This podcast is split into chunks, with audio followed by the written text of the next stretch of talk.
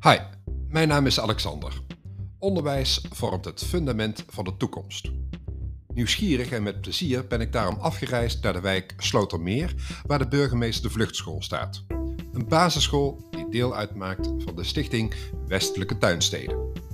De wijk en de school kenmerken zich door een grote diversiteit. Ik ga in gesprek met drie personen. Eerst twee juffen en we sluiten af met een interne begeleider die hier nog maar net werkt. Let maar op, de komende 15 minuten vliegen voorbij. Kun je je even voorstellen? Ja, ik ben Eva en ik uh, ben 27 jaar. Ik uh, begin nu aan mijn tweede jaar hier op de Burgemeester de Vlucht. Ik sta voor groep 7. Uh, dat heb ik vorig jaar gedaan en nu dus weer. En dat vind ik heel leuk om te doen. Dus, ja. Ja, we hadden het in de aanloop zeg maar, naar dit gesprek hadden het al over. Dat je eigenlijk, ja, je hebt een supergoed gevoel bij deze groep, hè? Ja, absoluut. Ik vind sowieso de bovenbouw echt heel leuk om te werken. want de kinderen die krijgen veel meer al hun eigen stem en een mening. En dat vind ik, ik vind het gewoon grappig als ze dan ook een beetje tegen je ingaan, een beetje brutaal worden. Ja. Dus ja, ik sta zeker met veel plezier voor groep 7. Oké, okay, Josien, dan kom ik nu bij jou. Uh, wie ben jij en uh, wat doe jij hier? Nou, ik ben Josine Hordijk. Ik ben 29 jaar. Ik woon in Amersfoort. Het is wel een stukje weg. Maar het is uh, eigenlijk geen probleem om elke dag die afstand af te leggen. Daarnaast ben ik leerkracht uh, met coördinerende taken. Dus ik sta vijf dagen voor de groep. En daarnaast pak ik andere taken op uh, met betrekking tot de ontwikkeling van de school. Oké, okay, okay. wat is de belangrijkste taak die je dan zeg maar praktisch zou kunnen benoemen? Soms zit het in bestelling. In bestelling doen zorgen dat er faciliteiten er zijn. Maar soms zit het ook echt in het inhoudelijke stukje. Bijvoorbeeld een, uh, kijken wat voor trainingen wij nodig hebben. En uh, dat soort dingen. Ja, oké. Okay. Ja. Welke trainingen de leraren dus nodig hebben? Absoluut, ja. ja de, de le leraren, ja. ja. Ik heb bewust gekozen voor een taalschool omdat ik het heel erg leuk vind om te werken met kinderen die nog niet zo vaardig zijn in de, met de Nederlandse taal. En uh, waarbij echt letterlijk geen dag hetzelfde is. Want de ene week uh, heb ik misschien vijf kinderen en de week erop heb ik weer vijftien kinderen. Kan, er gebeurt zoveel. Het is zo innoverend, dus dat spreekt mij enorm aan. Ja, ja de, de taalschool is een apart onderdeel, zeg maar, van uh, de burgemeester de vluchtschool. Hè? Dus het is, een, het is eigenlijk hier aan de overkant. Hè? We zitten nu in Amsterdam en aan de overkant van de straat zit de taalschool. Klopt, ja. ja. Waar komen de kinderen dan vandaan? Uit alle landen. We zijn verbonden met het AZC hier in Amsterdam. Dus uh, uh, leerlingen uit Eritrea en uit Syrië zijn voornamelijk geweest. Er zijn nog steeds veel kinderen uit Eritrea. Maar we hebben ook uh, veel Bulgaarse kinderen, Turkse kinderen, Marokkaanse kinderen, kinderen uit andere landen van, dan Afrika, Braziliaanse kinderen. Echt over de hele wereld. Ja. ja. Alles komt samen in één klas. Zeker, heel ja. divers. En jij bent daar juf van? Ja. Nou, dat is wel super. Hartstikke goed. Nou, dadelijk komt, uh, sluit nog aan aan het eind uh, van deze podcast, sluit Nicolette aan. Zij is um, intern begeleider van de bovenbouw.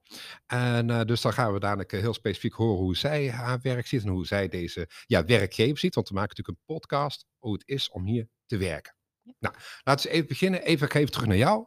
Um, de school. Hoe groot is de school? Hoeveel mensen werken hier? Geef eens een beetje een indruk van uh, waar, uh, waar we zijn. Nou, aan deze kant, dus in dit gebouw zitten wij, als ik het goed zeg, met 19 klassen.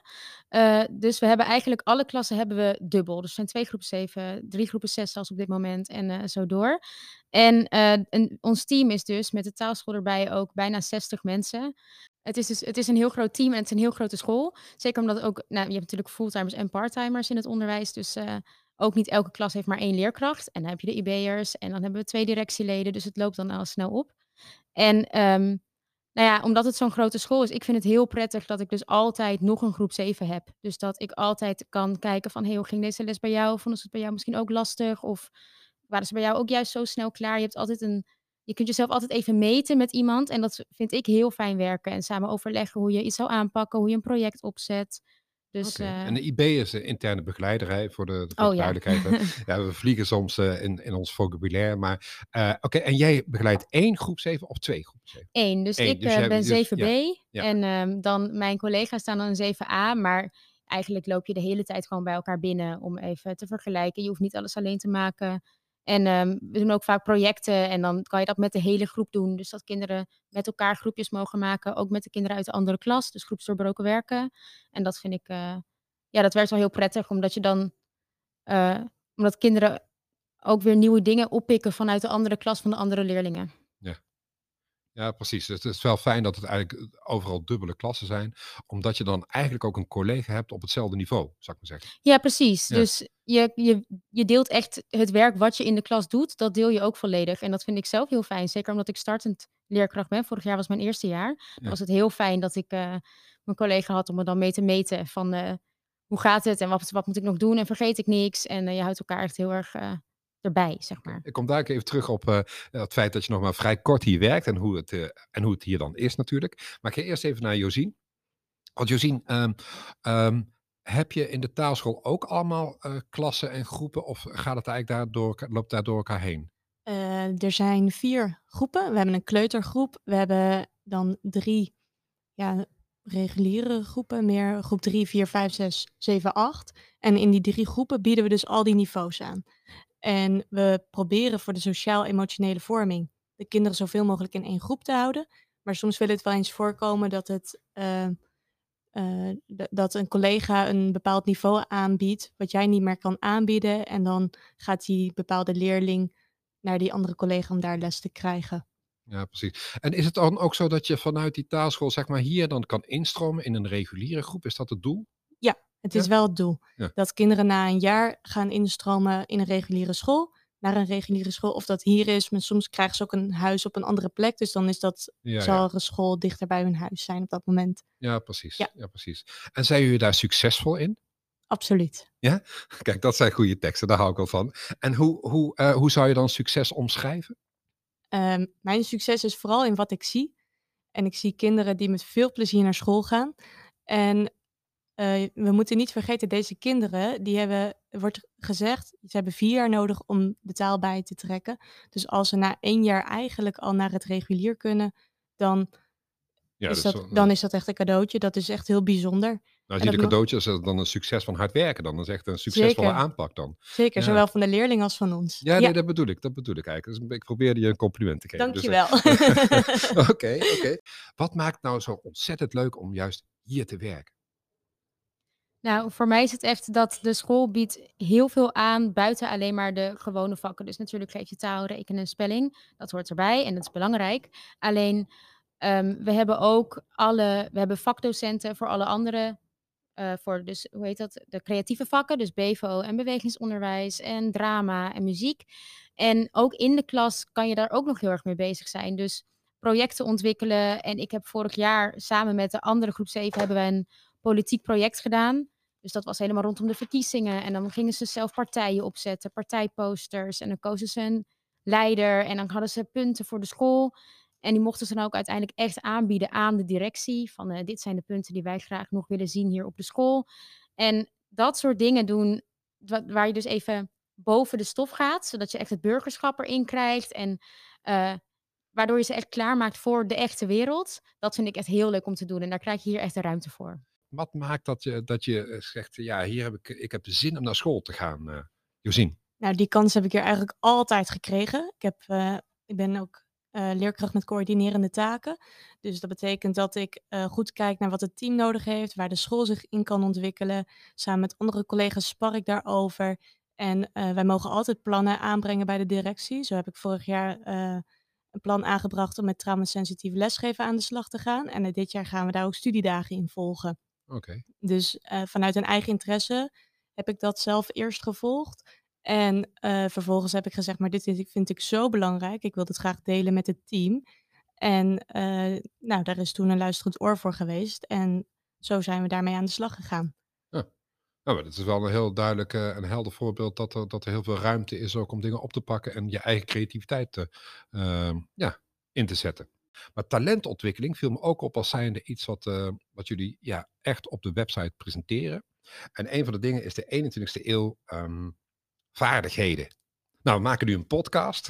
Wat zijn andere voorbeelden die jullie eh, zeg maar hanteren, Eva?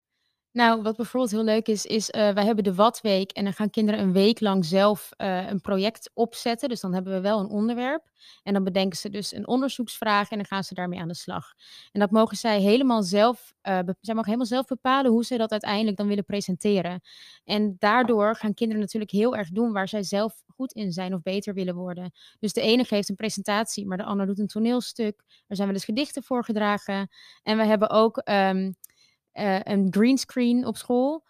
En er was, vorig jaar was er een filmpje. Het was ontzettend grappig, want uh, dat waren boeven en die werden achtervolgd door de politie. Maar die bleven maar rennen langs dat greenscreen. En dan was er een plaats van het Colosseum in Rome. En daarna waren ze in Parijs bij de Eiffeltoren. En dat, zag, dat was zo leuk geworden, omdat je ze langs door de hele wereld zag rennen. Zo bang voor de politie. Ja, ja. En dat hebben ze dan zelf bedacht en zelf in elkaar gezet. En nou, dat is dan ontzettend leuk om te zien. Dus, uh, en dat is natuurlijk ook hè, met, met techniek aan de gang.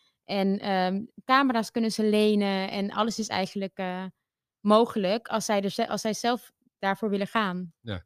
Josien, jij zei van uh, de band, hè, de band met, uh, met de leerlingen, uh, de band de leerling-leraar, dat is zo, ja, zo ontzettend positief hier. Kun je daar zo ook een voorbeeld van geven?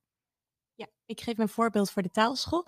En de taalschool heeft wel kleinere klassen, dus je hebt een wat sneller persoonlijk contact met de leerling. En dat is ook wel nodig, want een leerling komt vaak binnen op met toch een stukje achterstand ten opzichte van het Nederlands onderwijssysteem. En daardoor leerde ik je leerling veel beter kennen. Ik weet je veel meer wat heeft deze leerling nodig en kan je sprongen maken en zie je die leerling gewoon echt groeien. Dat is echt als een kind binnenkomt en in, nog helemaal geen woord Nederlands kan en binnen twee, drie weken toch vraagt of die naar de wc mag, dan is dat echt een feestje. Dat vind ik zo bijzonder. Ja, ik kan me ook voorstellen dat de ouders dat, uh, daar enorm trots op zijn. Uh, dat de ouders enorm trots zijn op uh, de ontwikkeling die de kinderen meemaken. Ja, ouders zijn heel erg trots. En ouders komen hier ook naartoe, zodat de kinderen ook vaak meer betere kansen hebben. Dus het is fijn als zij dan ook trots zijn. er staan natuurlijk vacatures op de site. maar ik wilde net, zoals ik net al zei, even, je werkt hier twee jaar. En, hoe is het?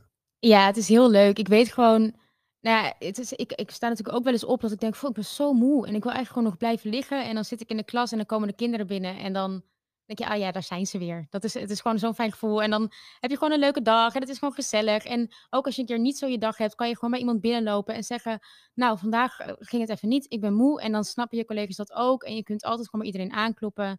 Ik uh, heb echt het idee, ik liep hier mijn Lio. En toen had ik echt wel het idee van, ik ben onderdeel van dit team. Ze nemen mij hier serieus. Zelfs toen ik mijn diploma dus nog niet had. En daarom ben ik hier ook gebleven. Omdat ik wist van, um, ik, het zit hier, ik zit hier goed. En het is zeg maar, het is een fijne plek om binnen te komen s ochtends. En om iedereen weer te zien. Je collega's en de kinderen. Dankjewel. We gaan uh, deze podcast eigenlijk uh, afronden met de derde collega. Uh, en dat is Nicolette.